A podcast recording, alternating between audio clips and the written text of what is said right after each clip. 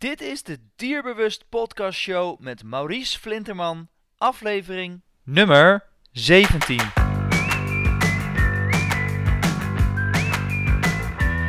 Welkom bij de Dierbewust Podcast Show, waarin je luistert naar experts die je voorzien van de beste informatie, tips en tricks op het gebied van honden. Vandaag gaan we in gesprek met Petra Driesen. Petra is een holistisch gedragstherapeut, natuurgeneeskundige en epigenetisch therapeut voor mens en dier. In het werken met honden en mensen werkt zij het liefst in de natuur. Haar grote passie is gezondheid en gedrag. Vanzelfsprekende zaken worden door haar aan een grondig onderzoek uh, onderworpen. Zo heeft zij een aantal jaar geleden het trainingsvrije opvoeden van honden in de markt gezet. En vandaag staat dus het onderwerp castratie ter discussie en heeft zij daar een hele uitgesproken mening over. Hè, waarom je wel of niet je hond zou moeten castreren. Nou, zij is van mening dat je dat absoluut niet moet doen. En ik nodig je dus daarom ook uit om naar onze podcast te luisteren over dit onderwerp. Want ik denk dat er hele interessante informatie wordt verteld. Ik wens je heel veel uh, luisterplezier. Uh, vandaag zijn we, gaan we in gesprek met Petra Driesen. Welkom Petra in de podcast van Dierbewust. En vandaag gaan we het hebben over het onderwerp uh, nou ja, castreren. Uh, ja, het is een veel voorkomende reden. Reuwen die worden gecastreerd om ervoor te zorgen dat ze geen of ja, veel minder agressie vertonen naar andere reuwen. Uh, minder snel weglopen of te druk gedrag vertonen. Ehm, ja, of, of andere zaken zoals bijvoorbeeld hyperseksueel zijn. En ja, bij sterilisatie van een, bijvoorbeeld een teef kan het worden gedaan omdat het ook praktische voordelen geeft bij bijvoorbeeld loopzijd. Uh, maar goed, toch zijn deze ingrepen veel ingrijpender dan heel veel mensen of heel veel hondenliefhebbers uh, denken. Kun jij allereerst uh, in wat simpele taal uitleggen wat een castratie slash sterilisatie inhoudt, Petra? Nou, in principe um, noemen we het in de volksmond sterilisatie bij de teef, maar het is feitelijk ook castratie, want je neemt de geslachtsorganen weg. In dit geval bij een teef nemen we de, worden de eierstokken weggenomen. Tot een aantal jaar geleden werd ook uh, de baarmoeder weggenomen. Dus werd zowel de eierstokken als de baarmoeder weggenomen. En sinds een aantal jaar laten ze de baarmoeder zitten.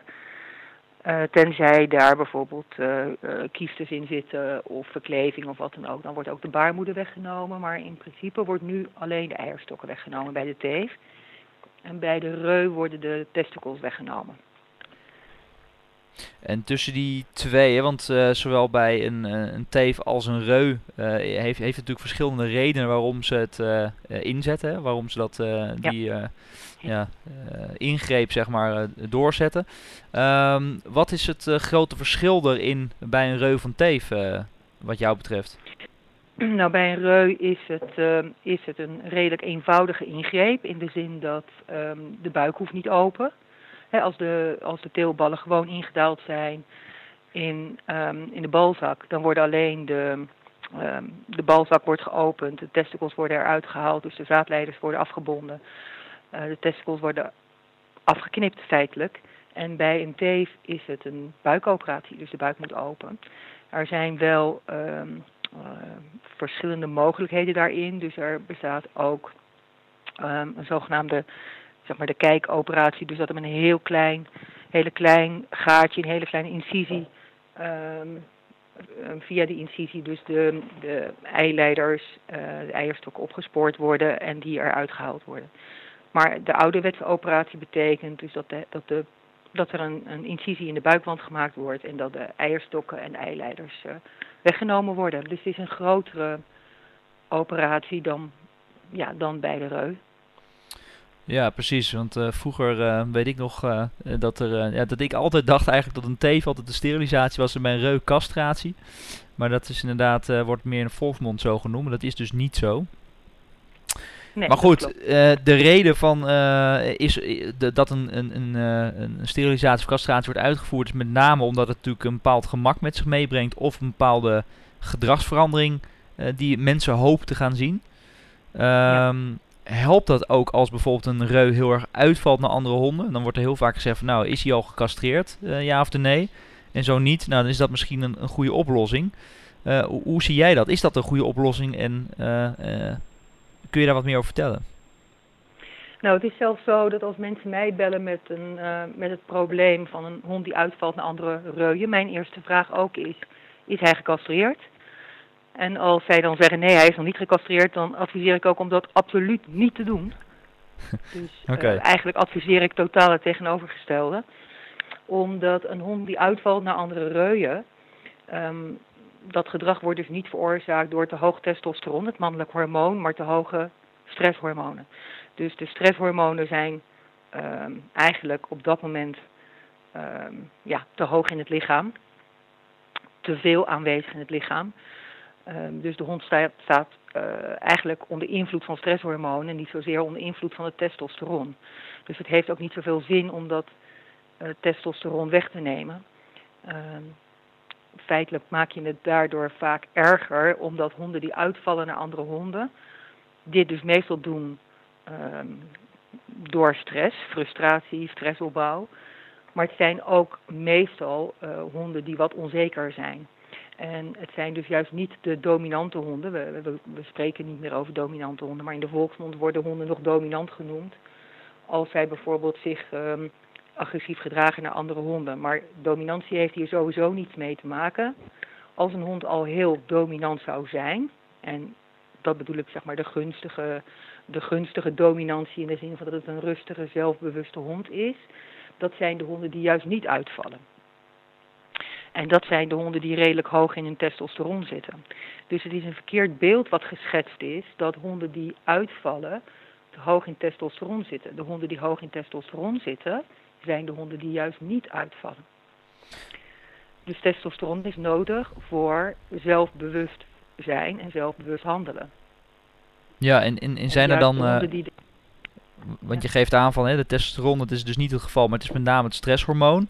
Eh, he- Heb je dat dan ook eh, zeg maar getest in de praktijk? Heb je die, zeg maar, die hormonen ook eh, daadwerkelijk getest? Of hoe, hoe moet ik dat nee, zien? Dat, heb- dat, is niet ge- dat is niet getest, maar dat is, het is wel heel duidelijk zichtbaar. Ehm, om de dood eenvoudige reden dat op het moment dat je de stress ehm, eh, reduceert, dat ook de agressie naar andere honden afneemt. Dus die is letterlijk 1 en 1 is 2. Op het moment dat, dat ik de stress reduceer, neemt de agressie af. Ja, En dat zijn, ehm, ja, dat is eigenlijk een heel simpel sommetje maken. Dus, en op het moment dat ik, de, dat ik de geslachtshormonen wegneem, dus dat ik bij een reu de, de testosteron wegneem, dus een reu laat castreren, neemt die agressie vaak juist toe, omdat het testosteron zorgt voor zelfbewust gedrag. En de hond die uitvalt naar andere honden, doet dat vaak uit stress, is vaak al onzeker en wordt onzekerder doordat het testosteron wordt weggenomen. Ja dus eigenlijk... Dus je- eh, eigenlijk, ja, eigenlijk neem je het laatste beetje zelfvertrouwen van de hond nog weg. ja, dus wat jou betreft heeft, heeft in, in deze situatie castratie bij een reu eh, hele grote nadelige gevolgen. Ja, bij, we zien in bijna alle gevallen zien we een toename van het gedrag. Van het ongewenste gedrag, dus van, de, van het uitvallen naar andere honden. Terwijl als je aan de stress gaat werken, dus als je, als je de eigenaar ehm, leert ehm, hoe je de stress kunt reduceren bij de hond, dan zie je ook een afname van dat ongewenste gedrag. En ja, een heel belangrijk voorbeeld daarin is mijn eigen hond geweest, die ik op de leeftijd van een jaar kreeg. De Mechelse herder. En die ehm, het eerste jaar van zijn leven opgesloten heeft gezeten in een keukentje, nooit buiten was geweest. Nou, deze hond deed, deed niets anders dan agressie inzetten. Naar alles, naar honden, naar mensen, naar fietsers, naar auto's, werkelijk naar alles, naar mij. En het enige wat ik gedaan heb is, of nou niet het enige natuurlijk, maar ik heb vooral aan zijn stress gewerkt. En ehm, zijn testicles heeft hij nog steeds. En hij is inmiddels negen jaar bij me. Eh, ondanks dat ik verschillende malen dus het, eh, het advies gekregen heb van dierenartsen om hem eh, te castreren zodat hij rustiger zou worden. Maar hij is uiteindelijk dus rustiger geworden doordat ik zijn stress heb gereduceerd. Ja, is en hem dus heb leren omgaan met de situatie. een aanzienlijk verschil dus. En wat is dan volgens jou de reden dat, dat dierenartsen dat nog steeds adviseren? Want die denken dan nog wel steeds dat het aan het testosteron ligt? Of, Ja, ik, ik denk dat, dat men denkt. Kijk, testosteron en agressie hebben natuurlijk zeker met elkaar te maken. Dat is ook logisch. Alleen eh, dan praten we over eh, enorme fluctuaties in de, bloed, in de bloedspiegel. Dus op het moment dat een hond ehm, eh, bijvoorbeeld in de puberteit komt, ehm, krijg je enorme eh, eh, pieken soms in de testosteron, net als bij jongens in de puberteit. Ehm, echter na een poosje stabiliseert de boel zich en dan krijg je nog wel kleine fluctuaties, maar dat zijn kleine fluctuaties. En die, die variëren ook gedurende de dag. En de testosteron heb je dus nodig om agressie in te kunnen zetten wanneer dat nodig is. En agressie is niet per definitie uitvallen naar andere honden. Agressie betekent ook nee durven zeggen, ook grenzen durven stellen en zeggen tot hier en niet verder. En dus agressie bete- of testosteron is feitelijk nodig voor uh, het, het kunnen oplossen van problemen en het um, kunnen omgaan met stress. Dat is waar je testosteron voor nodig hebt. En op het moment dat een dier dus geen testosteron meer heeft, kan hij dus eigenlijk ook geen problemen meer oplossen. Hij is niet meer in staat tot doelbewust handelen. Dus vandaar dat, dat men denkt dat testosteron de veroorzaker is van agressie. Maar Ja. dat is dus niet het geval. Ja. Testosteron helpt, helpt het lichaam om met problemen en met stress om te gaan. Ja, en, en Peter, als ik jou dus goed begrijp, dan ben je dus niet een voorstander van, eh, van castratie bij reuwen. Ehm, Nee. Zijn er situaties te bedenken waarin het wel jouw voorkeur heeft? Nee, Dat niet. nooit. Nooit. Nee, nooit. Dat is simpel. En, eh, en als je kijkt naar sterilisatie van een teef, want dat, is- dat is natuurlijk meestal een iets andere reden waarom ze dat, eh, dat doen. Hè? Bijvoorbeeld om, nou, wat ik net al in de intro aangaf, praktische voordelen bij loopzijd te voorkomen. Ehm, hoe, hoe, zie je dat? Nou, het is niet alleen om praktische redenen. Er is natuurlijk ook hele lange tijd gedacht dat het eh, vroeg steriliseren van een teefje eh, de kans op eh, melkkliertumoren ehm, eh, zou verkleinen en de kans op baarmoederproblemen zou verkleinen. Maar goed, dat is inmiddels dus achterhaald. Dus men, men heeft gedacht dat hormoongerelateerde tumoren, dat je die ehm, ja, zeg maar tegenhoudt, dat je die remt. Dat je zorgt dat die niet ontstaan, ontstaan door het ehm oestrogeen, het vrouwelijk hormoon, weg te nemen. Dus als je de eierstokken wegneemt, neem je dus het grootste gedeelte van het oestrogeen weg. En dan zou, is de gedachte daarachter dat, dan, dat er dan geen hormoongerelateerde tumoren meer zouden optreden. En daarnaast worden de meeste honden twee keer per jaar loops en vinden mensen dat ook lastig. Dus men wil ook die loopsheid voorkomen. En dan is de gedachte, ja, ze krijgt toch geen puppies. Of hè, we gaan niet met haar fokken, dus kunnen we haar net goed steriliseren. Ja. En dan... eh, dus het zijn, twee, het zijn feitelijk twee dingen. Enerzijds is het het praktische stuk. Anderzijds is het de zorg om het krijgen van hormoongerelateerde tumoren. En dat de gedachte altijd is geweest dat je die dus eh, tegenhoudt door de hond vroeg te steriliseren. Ja, en het heeft met jou, wat jou betreft een hele grote invloed op de werking en de functie van de geslachtshormonen. Ehm, Kun jij, eh, ja, zeg maar voor, eh, voor mij, hè, voor de, de, de hondenliefhebbers die daar niet al te veel kaas van hebben gegeten, in Jip en Janneke taal uitleggen hoe dat ongeveer werkt? Nou, in ieder geval is, is ehm, eh, testosteron, als je een reu castreert, dan neem je een kwart van zijn endocrine systeem weg. Dus het endocrine systeem is het hormoongerelateerde systeem van het lichaam. En testosteron heeft invloed op meer dan 110 verschillende lichaamsprocessen. Dus Zo, niet alleen ja. op de voortplanting. Dus dat zijn er nogal wat. Ehm, nou ja, testosteron is eh, ehm, noodzakelijk, want het verlaagt het lichaamsvet. Het zorgt ervoor dat eh, binnenkomende energie, dus in de vorm van voeding, hè, glucose, naar de spieren gaat. Het heeft een eh, invloed op de energiehuishouding. Ehm, heeft invloed op het korte termijn geheugen, op stemmingswisselingen en concentratieproblemen als testos- testosteron te laag is. Het geeft een verlaging van de stofwisselingssnelheid, dus de hond gaat vet aanzetten en ook op andere plekken op het lichaam dan normaal gesproken. En wat er gebeurt is dat dat vet met name op de buik gaat zitten. En dat buikvet zet vervolgens het aanwezige testosteron wat er nog is, want de bijnieren maken ook een beetje testosteron, om in oestrogeen. En dat proces heet aromatase en dat is een zeer ongewenst proces, want dat, zijn dus, dat is het proces die ehm, zeg maar wat mede oorzakelijk is voor het ontstaan van hormoongerelateerde tumoren. Nou, als je de een hond op hele jonge leeftijd castreert, een reu dus, dan sluiten de groeischijven van zijn, uh, van zijn botten, van zijn beenderen sluiten later. En de hond groeit langer door. En dat zie je ook, heel vroeg gecastreerde reuien zijn vaak slungelig. Testosteron heeft dus ook invloed op de sterkte van de, van de wand van de botcellen. Dus de botcellen uh, worden sterk, onder andere door testosteron. Dus op het moment dat je een hond jong castreert, um, heeft die hond dus niet de gelegenheid om sterke botcellen um, te ontwikkelen eigenlijk. Nou, daarnaast natuurlijk de, de, invloed van testosteron op, het, uh, op de spiermassa. Dat weten we allemaal, ook uit de bodybuildingswereld, hè, waarbij uh, mensen uh, synthetisch testosteron spuiten om meer spiermassa te krijgen. Maar de gewone, alle spieren in het lichaam, hè, maar ook het hart is een spier, staan dus onder invloed van testosteron. Nou, verder stimuleert testosteron uh, uh, de aanmaak van rode bloedcellen in het beenmerg. Ook niet onbelangrijk, denk ik. Um, en testosteron is natuurlijk een heel belangrijk communicatiemiddel. Dus doordat je uh, honden communiceren vooral door middel van geur. Dus je verandert het geurbeeld van de hond. En daarmee verander je de manier waarop hij bezien, beroken wordt door andere honden. En hij kan dus ook daardoor ja, daar ook anders door reageren.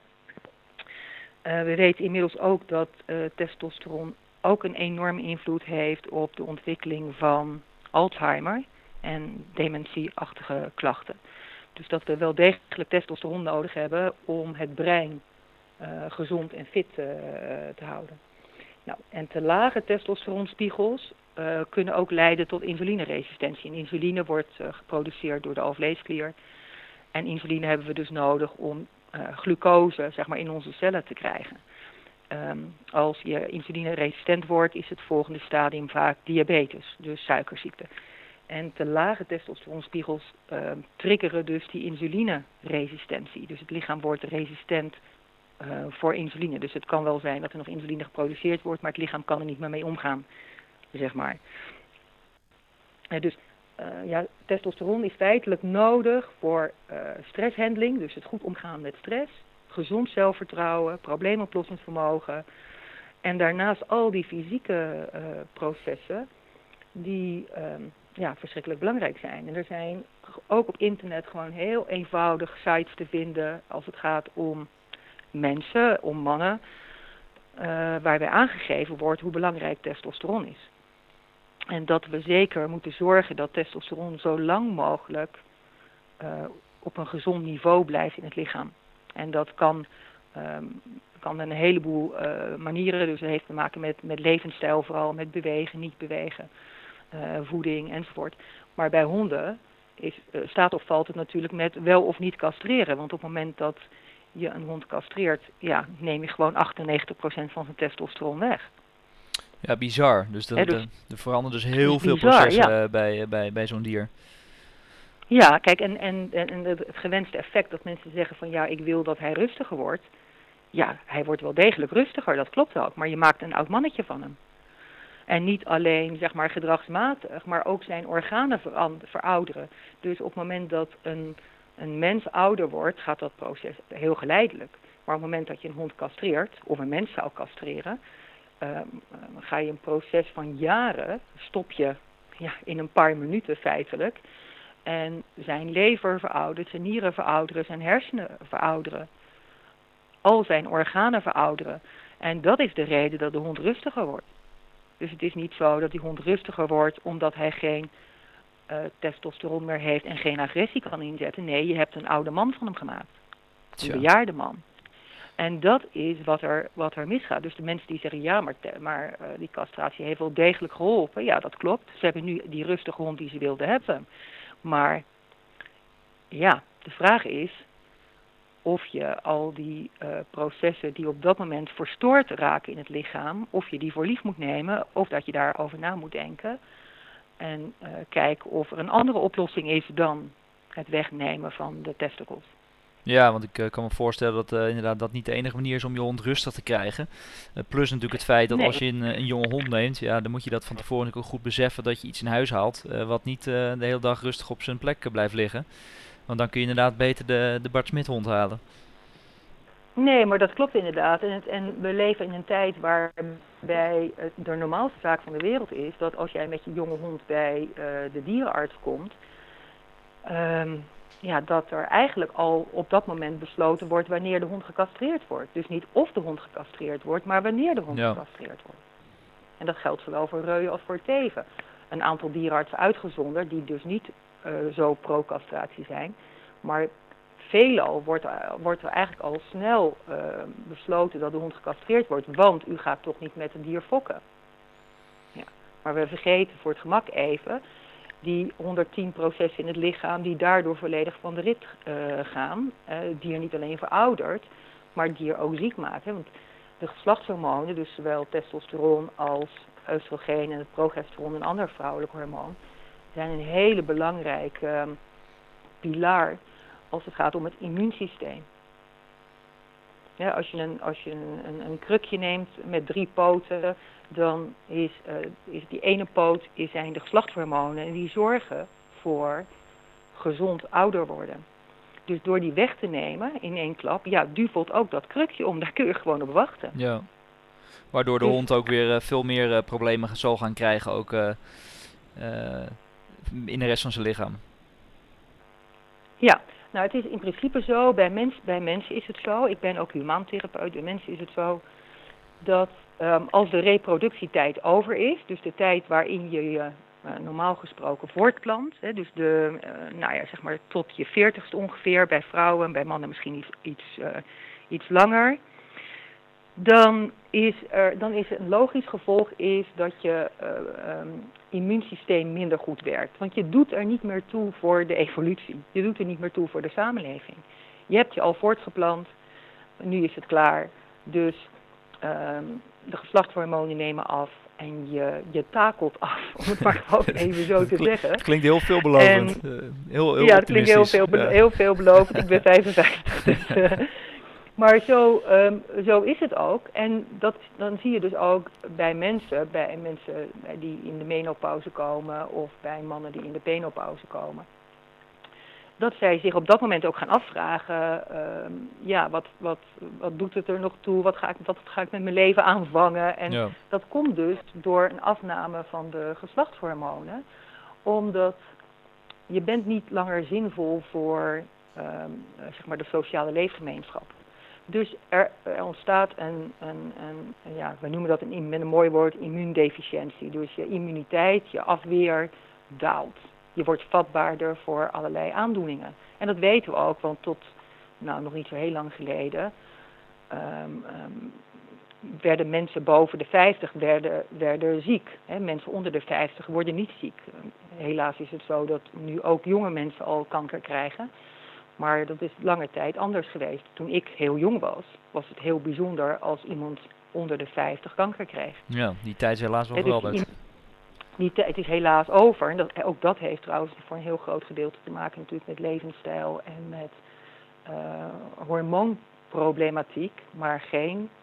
Uh, kijk, je hebt je hormonen niet gekregen, zeg ik altijd van onze lieve Heer of van wie dan ook, om te zorgen dat je kanker krijgt.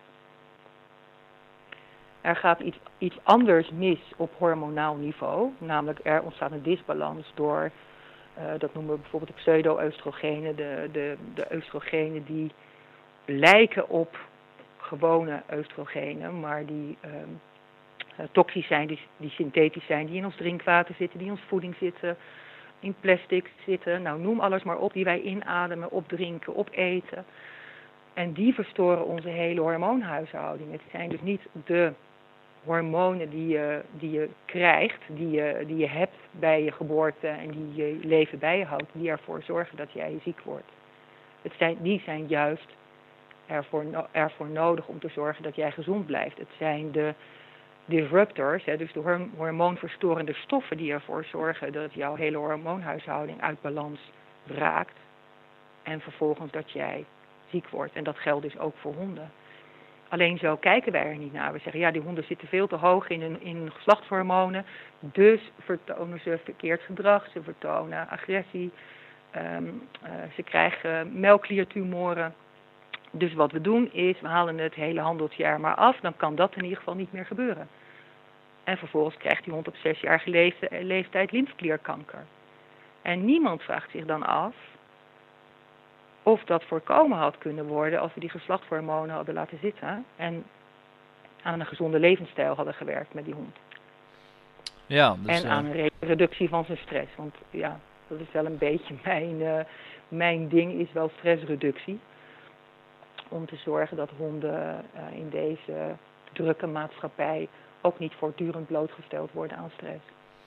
Ja, dat, uh, ja, dat wordt in Dierbus podcasts uh, nu al vaker uh, besproken natuurlijk. Ja, ja, ja, Maar Peter, ik kan me wel voorstellen dat mensen die nu aan het luisteren zijn en hun hond gecastreerd hebben, ook best wel kunnen schrikken. Van, oh ja, dit wist ik eigenlijk niet. Het is me geadviseerd. En um, ja, kan ik er nu nog iets aan doen? Of kan, kan ik nu nog zorgen dat ik mijn hond ondersteun op, op, een bepaalde manier, zodat die daar, of zodat zijn immuunsysteem en zijn ja, hele lichaam beter in balans blijft na ja, het, het, laten helpen van je hond? Ja, nou allereerst Maurice, ik heb natuurlijk vroeger ook honden laten steriliseren en laten castreren. Ik heb twee keer een hond uh, laten castreren, twee keer een reu laten castreren. En vroeger werden, ik heb heel veel honden gehad, ik heb een grote groep honden gehad. Werden ook al onze teven werden gecastreerd, hè, dus gesteriliseerd. Uh, en niet alleen uit praktisch oogpunt, maar vooral ook omdat gezegd werd dat je op die manier de honden dus beschermde tegen allerlei nare aandoeningen. Dus mensen moeten zich vooral niet schuldig voelen. Mensen moeten vooral niet denken van, oh, het is, het is, uh, ik heb het gedaan. Nee, we hebben altijd op dat moment de beslissing genomen um, die op dat moment juist leek. Geadviseerd door. Dus um, je doet op dat moment wat jou juist lijkt. Nou, uh, oké, nou is die hond gecastreerd, nou is die hond gesteriliseerd. En het is het allerbelangrijkste dat je zorg draagt dat die hond in ieder geval niet ook nog eens blootgesteld raakt aan al die uh, pseudo- of xeno-oestrogenen. Dus dat betekent al je water zuiveren, dat geldt ook voor jezelf. Een heel belangrijk iets wat mensen kunnen doen, wat, wat ik overal omheen zie gebeuren, is geen water geven uit plastic. Dus als mensen naar buiten gaan met een hond, hebben ze altijd plastic drinkflesjes bij zich. Niet doen. Niet doen. Dat water zit de hele dag in dat plastic. En um, neemt zeg maar de, de, um, de giftige stoffen uit dat plastic op. Dus water is natuurlijk een fantastisch transportmiddel. Dus dat water bevat al die giftige stoffen. Dus iets heel kleins, iets heel simpels. Wat je kunt doen is zorgen dat je je hond niet uit plastic laat drinken. Drink zelf ook niet uit plastic. Maar dat komt met name door de temperatuurverschillen, toch? Dus uh, in dat plastic, uh, doordat van warme... Ja, maar niet alleen... Ja, maar niet alleen temperatuurverschillen. Gewoon het, het zitten in dat plastic al. Kijk, droge stof, als je bijvoorbeeld een zakje nootjes koopt wat in, in, in een plastic zakje zit, dat is droge stof. En uh, sowieso ook niet heel erg fijn. Hè. Het kan beter bij wijze van spreken in papier zitten. Maar droge stof neemt minder snel um, die toxische stoffen op. Dus op het moment dat je uh, een, een, fles water meeneemt voor je hond, neem dan een roestvrij stalen fles mee naar buiten. Liever ook geen aluminium, want aluminium is ook toxisch. Dus koop een roestvrij stalen fles. Die kun je voor al een paar euro al kopen. Een veldfles, dat denk ik of niet? Sorry? Dat is denk ik zo'n veldfles, of niet? Ja, gewoon zo'n veldfles. Maar ik, ook, ook voor mensen zijn er allerlei roestvrij stalen. Met name in natuurvoedingswinkels. Op internet kun je ongelooflijke hoeveelheden leuke, hippe, uh, uh, sportieve uh, roestvrij stalen drinkflessen kopen. Maar het moet wel roestvrij staal zijn. En die gaat, als je hem niet kwijtraakt, een leven lang mee. Dus mijn honden drinken ook uit um, roestvrij staal of um, hun waterbak is bijvoorbeeld gewoon een aardewerk waterbak. En niet plastic. Dus dat is iets heel kleins wat je al kunt doen. Even een vraag, Daarnaast Petra. Want uh, ja? ik heb zelf, mijn hond heeft zelf zo'n uh, standaard waar zeg maar, volgens mij zijn het aluminiumbakken. Maar ik weet niet zeker of dat, volgens mij is dat roestvrij staal als daar uh, water in zit. Weet je dat of niet? Dat durf ik zelf meestal niet. Is dat roest, meestal is dat roestvrij staal. Dus dat is wel even belangrijk om, om na ja. te kijken. Ja. Ja, omdat, vooral omdat je, er, omdat je er water in gooit, is de keuze meestal roestvrij staal. Roestvrij staal is ook voordeliger uh, dan aluminium. Dus de, de producenten van dit soort materialen die uh, kiezen meestal voor roestvrij staal. In, in het buitensportgebeuren wordt nog alleen aluminium gebruikt omdat aluminium lichter is. En dus als je bijvoorbeeld uh, gaat bergbeklimmen of hiken of wat dan ook, dan wordt heel vaak aluminium drinkflessen aanbevolen, omdat die dus lichter in gewicht zijn. Dus roestvrijstaal staal is gewoon ietsje zwaarder. Maar het grote voordeel is wel dat het dus een van de weinige stoffen is die niet giftig zijn. Nou, dus daar, dat is al iets heel kleins wat je gewoon kunt doen. Nou, zoveel mogelijk in de natuur zijn uiteraard. En dan echt in de natuur. Overal zijn parken, overal heb je bos. dus vooral niet uh, de hele dag uitlaatgassen lopen in te ademen. Ik verbaas me ook altijd over mensen die lang, langs een drukke weg aan het hardlopen zijn. Dan denk ik, nou, je ademt lekker diep in en je ademt al die uitlaatgassen in. Nou, dat doet die hond dus ook. Want die hond die loopt al op, ja, op dat hoogteniveau. Uh, dus uh, zoveel mogelijk lekker in de natuur en met je hond. En werk aan zijn stress. Um, ik had, onlangs gaf ik een lezing over uh, castratie bij honden. En toen zei een van de deelnemers: uh, Ja, maar ik heb mijn hond niet laten steriliseren. En toch kreeg ze op latere leeftijd melkkliertumoren. En nou, die vrouw voerde ook vers vlees en de hond werd ook niet gevaccineerd. Um, en toen vroeg ik even door en toen bleek wel dat die hond een ontzettende stresskip was en angstig was. En, dus de uh, stresshormonen hebben een enorme invloed op de gezondheid van dieren. Volgens mij heb je daar pas ook een podcast over uitgezonden. Dus die, die stress is enorm belangrijk. En wat we goed kunnen doen voor honden is zorgen dat we die stress reduceren. Ja, en uh, net gaf je even aan, uh, nog heel even terug, want je zei van nou, je moet eigenlijk het water zuiveren hè, voordat ze drinken. Uh, Ja. naast dus dat je je roestvrijstalen fles hebt, of inderdaad wat je zelf dan hebt. ehm, wat, waar gaf je nou zelf jouw hond? wat voor materiaal was dat? Nou, mijn honden, ja, mijn honden krijgen gewoon in ieder geval water altijd uit roestvrij staal of een aardewerk, eh, Aardewerk, ja. En als ik, water, ja, als ik water meeneem, dan doe ik dat in roestvrij stalen flessen. Nooit in plastic. En je kunt allerlei waterzuiverapparatuur kopen, is voor jezelf ook gunstig. Eh waterzuiverapparatuur kopen. Maar ik heb gewoon hier in de keuken heb ik gewoon een heel eenvoudige kan staan die in ieder geval wat, wat chloor uit het water zuivert en ehm, wat zware metalen uit het water zuivert. En nou ja, vaccinatie is natuurlijk een onderwerp waar, uh, waar al heel vaak over gesproken is. In vaccinatie zitten ook ongelooflijk veel uh, toxische stoffen die um, uiteindelijk ook um, ja, zeg maar het immuunsysteem dusdanig belasten dat er problemen kunnen ontstaan op langere termijn en zeker bij veelvuldig vaccineren. Dus daar, um, ja, als we het hebben over de gezondheid van honden, dan zijn dat wel dingen waar we, waar we dus mee aan de slag kunnen. En wat honden nodig hebben in hun leven is een beetje uitdaging. En dan bedoel ik niet uitdaging in de vorm van dat hij twee keer in de week over een behendigheidsbaan moet rennen, maar dat hij juist in staat moet zijn om zijn eigen problemen op te lossen. En dat kan al heel simpel zijn. Uh, ik ben net lekker in de polder geweest met, met een van mijn honden. En overal zijn ze uh, bomen aan het kappen en er ligt er zo'n hele grote stok en die wil ze oppakken en die wil ze meenemen. Ja, die kan ze natuurlijk niet meenemen, die is veel te groot en veel te zwaar. Nou, laat haar daar gewoon eens eventjes lekker gewoon tien minuten mee tobben en ja. mee, mee aan de gang gaan om er dan achter te komen dat ze die stok echt niet meekrijgt. En dan vervolgens legt ze zich daarbij neer en klaar. Maar problemen oplossen. En daar zijn dus onder andere ook die geslachtshormonen voor nodig. Dus wat we, wat we doen als we de geslachtshormonen wegnemen bij honden, is dat er een vorm van passiviteit ontstaat. Uh, die wij interpreteren als wat is die hond lekker rustig. Maar die hond is feitelijk uh, heel passief geraakt. En kan dus zijn eigen problemen niet meer oplossen. En kan dus zijn eigen stress niet meer handelen.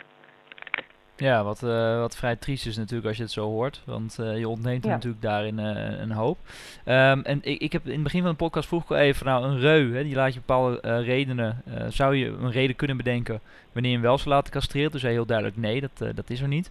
Is dat wel bij een teef zo? Of zeg je ook bij een teef van dat zou ik nooit laten doen? Um, zoals ik er nu over denk, zou ik een teef ook niet laten castreren, nee. Nee. Ik, ik, ik pleit heel erg voor als mensen toch hun honden. Ik heb zelf een reu en een teef. Uh, beide dus intact, zoals we dat noemen. Als, als ja. mensen zeggen, ja, ik wil toch geen risico lopen dat mijn teef uh, zwanger raakt. Dan kun je een hond laten steriliseren. Dus feitelijk hetzelfde als wat we bij mensen uh, doen. Wat mensen zelf ondergaan. Namelijk dat de eileiders worden afgebonden. Betekent wel dat de hond dan nog gewoon loops wordt. Dus de hond wordt wel loops. Alleen mocht er een keer een ongelukje plaatsvinden, dan kan de teef niet drachtig worden. En dat zouden we ook kunnen doen natuurlijk met reuien. waarmee we ook het hele zwerfhonden verhaal feitelijk ja, in kaart kunnen brengen. Door die honden dus te steriliseren, maar niet te castreren. Dus maak ze onvruchtbaar, waardoor ze geen uh, jongen meer kunnen verwekken of zwanger kunnen raken.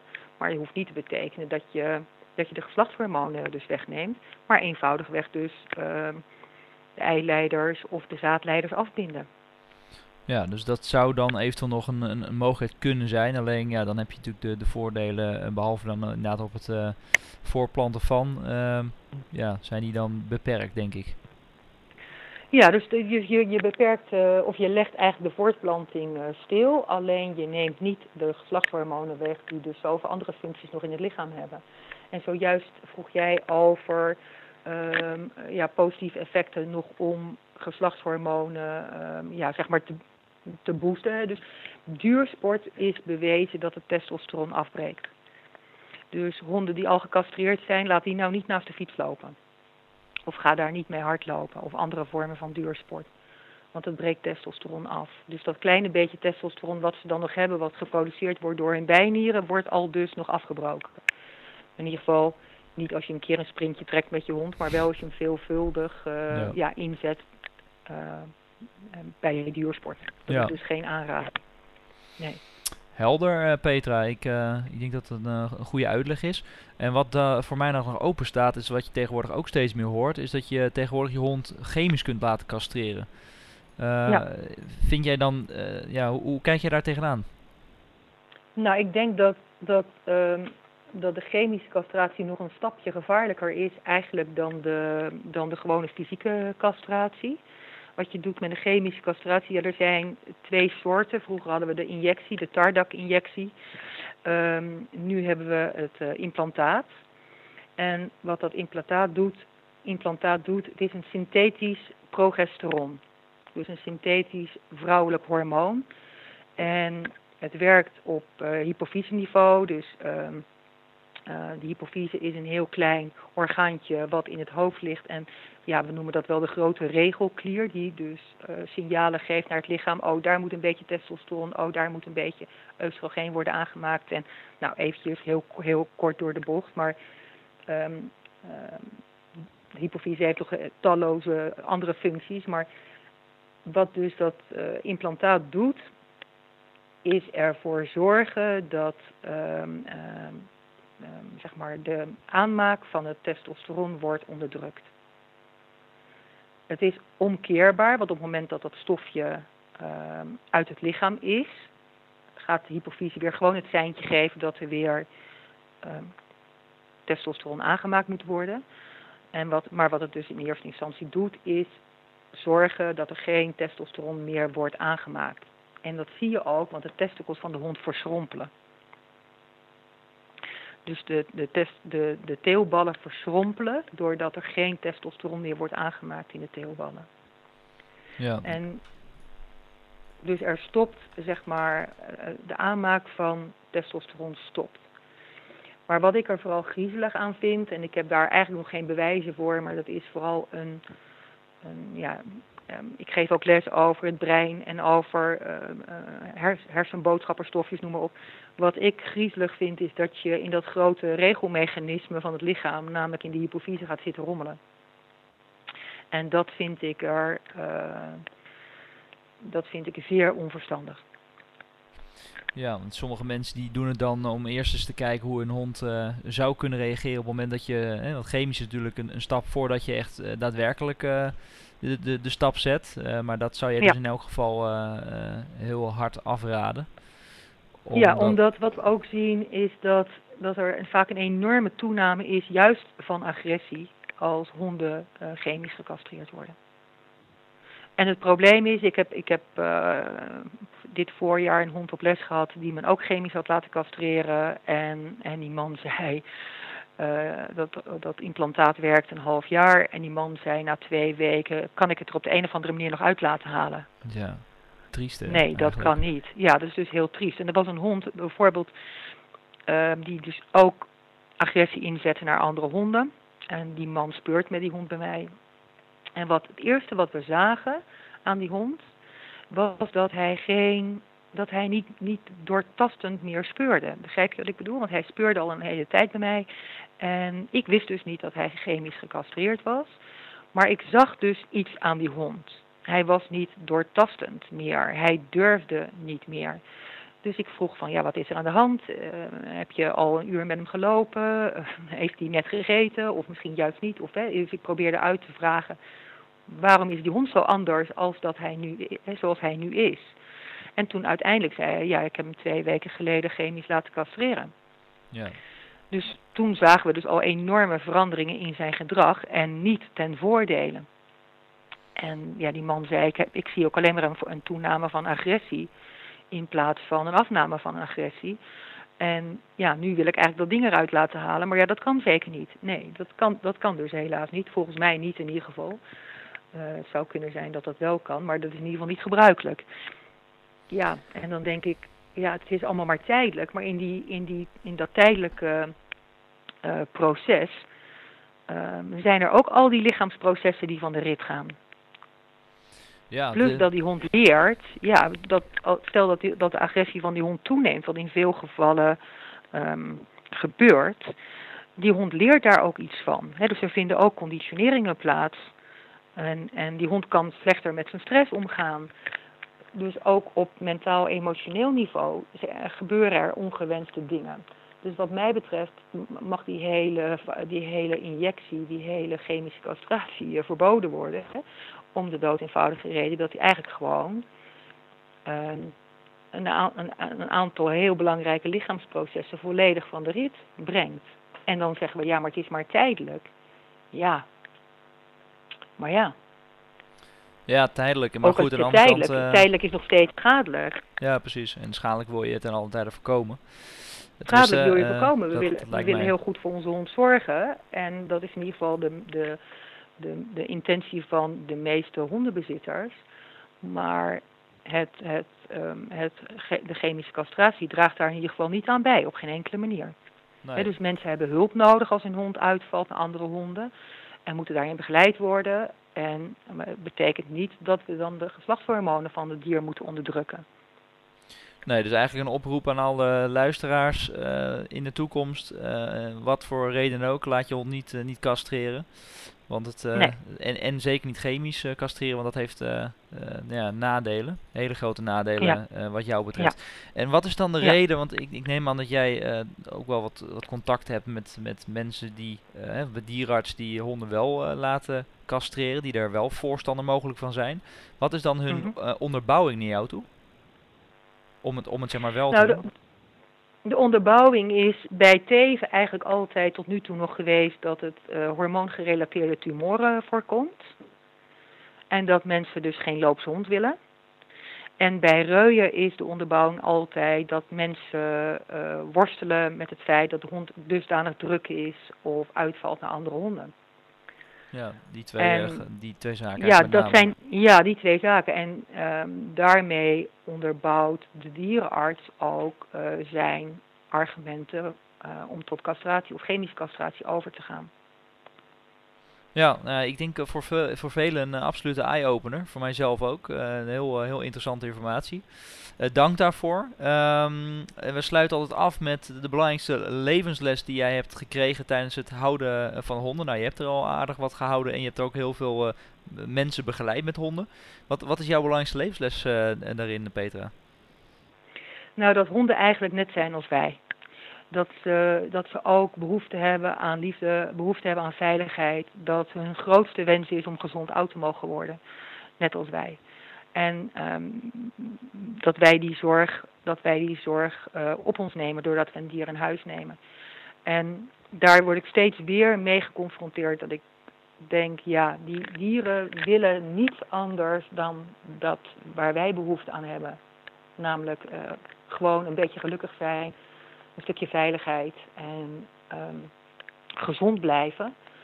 En nou ja, daar probeer ik me dan zoveel mogelijk in te verdiepen hoe we daar, eh, hoe we daar ons steentje aan kunnen bijdragen.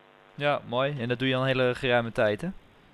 Ja, ja ik werk nu, eh, 21 jaar als gedragstherapeut. En daarvoor was ik al werkzaam in, het, in, het hele, in de hele dierenbranche, zeg maar. Maar als uh, dierenartsassistente en in dierenpensions gewerkt. En, uh, maar nu 21 jaar als gedragstherapeut. Dus ja, en eigenlijk is het door alle jaren heen is dat wat, wat je ziet bij honden en dat ook wat je ziet bij mensen. Dat ze eigenlijk gewoon een hond willen waar ze ja, waar ze het fijn mee hebben, waar ze fijn mee kunnen wandelen. Uh, ja, zeg maar een maatje. Mensen willen gewoon een maatje in hun leven. En ja, we moeten daardoor niet zoveel knutselen aan die honden. Nee, dat, uh, daar ben ik het helemaal mee eens. En het gewoon zo natuurlijk mogelijk houden. En dan kun je eigenlijk met je gezonde verstand kun je al een hoop vragen beantwoorden, denk ik. Alleen het wordt uh, helaas uh, soms wel een beetje ingewikkeld gemaakt, waardoor uh, ja, veel mensen op het verkeerde been worden gezet. En dus misschien daardoor ook verkeerde beslissingen gaan nemen. Maar goed, daardoor... Nou ja, de, de, beslissingen zijn vaak gebaseerd op angst. En ik denk dat op angst gebaseerde beslissingen feitelijk altijd onjuist zijn. dus als je bang bent dat je hond kanker krijgt en dat je hem daarom laat steriliseren of castreren, dan denk ik dat dat niet de juiste beslissing is. Nee, en, ik kan me ook best voorstellen op het moment dat uh, jij een, uh, een, uh, een reu hebt en die valt heel erg uit naar andere honden. Hè, die die vertoont voor jouw idee dan agressief gedrag. En jouw dierenarts zegt, ja weet je, daar hebben we zoveel ervaring mee. Als jij hem laat kasteren, dan heb je daar eigenlijk geen last meer van. Ja, dan kan me best voorstellen dat je dan denkt, ja, dan moet ik dat misschien maar eens proberen. Of overwegen in ieder geval. Ja, natuurlijk. Ja, ja natuurlijk. Dat is, ook, dat, is ook, dat is ook begrijpelijk. En daarom zeg ik ook, laat niemand zich vooral schuldig voelen of wat dan ook als jij je hond hebt laten castreren. Want je hebt dat altijd gedaan vanuit, vanuit de juiste intenties. En, en vanuit, het, vanuit het idee dat dit gaat helpen, dat iets, iets gaat opleveren. En vaak ook vanuit nood. Maar um, ik denk dat we inmiddels wel zover zijn dat, dat we weten dat, um, dat een hapklare oplossing meestal niet de oplossing is voor dit soort problemen. En ja, nogmaals, waar we het in het begin over hadden dit soort problematiek is altijd stressgerelateerd en heeft niets te maken met de geslachtshormonen. Echt helemaal niet. Nee, dus laat dat een, een belangrijk, belangrijk inzicht zijn voor, voor vandaag. Um, Dan uh, hebben we dat in ieder geval, uh, kunnen we dat in ieder geval op de wereld zetten. Dat, dat inzicht. Dus dat, dat is mooi. Uh, Petra, in ieder geval hartstikke bedankt voor alle inzicht. Ik, uh, nee, je hebt natuurlijk zoveel ervaring dat ik jou eigenlijk ook uh, nog een keer hoop terug te krijgen in de podcast om iets te vertellen over bijvoorbeeld het trainingsvrij opvoeden waar jij heel veel mee bezig bent. Maar goed, dat laat ik dan een andere keer over. Dus ik hoop je nog een keer te kunnen uitnodigen. Dankjewel. In ieder geval hartstikke bedankt voor je, voor je medewerking en tot zeker op het later moment. Dankjewel Maurice, jij ook bedankt voor je tijd. Oké, okay. hoi hoi. Hoi hoi. Bedankt weer voor het luisteren naar onze Dierbewust podcast show met Petra Driesen over het onderwerp eh, castreren. Absoluut heel interessant en heel goed om haar beweegredenen te horen. Wil jij nou meer weten over honden in het algemeen? Wil jij alles weten? Wil je alles leren over honden? Word dan lid van onze Dierbewust community. Ga naar dierbewust.nl/slash lid.